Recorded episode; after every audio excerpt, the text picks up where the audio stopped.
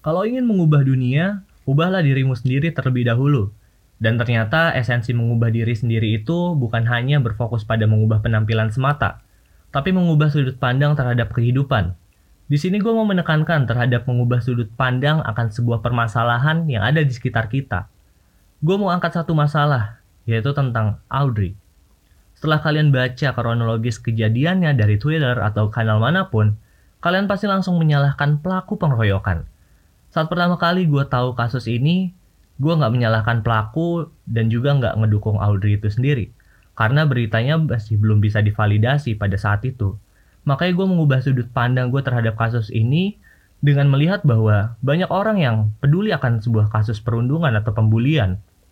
Dan kasus ini menyadarkan banyak orang bahwa perundungan itu ada di sekitar kita dan itu nyata terjadi. Gue Zakir Wandi dan terima kasih Audrey.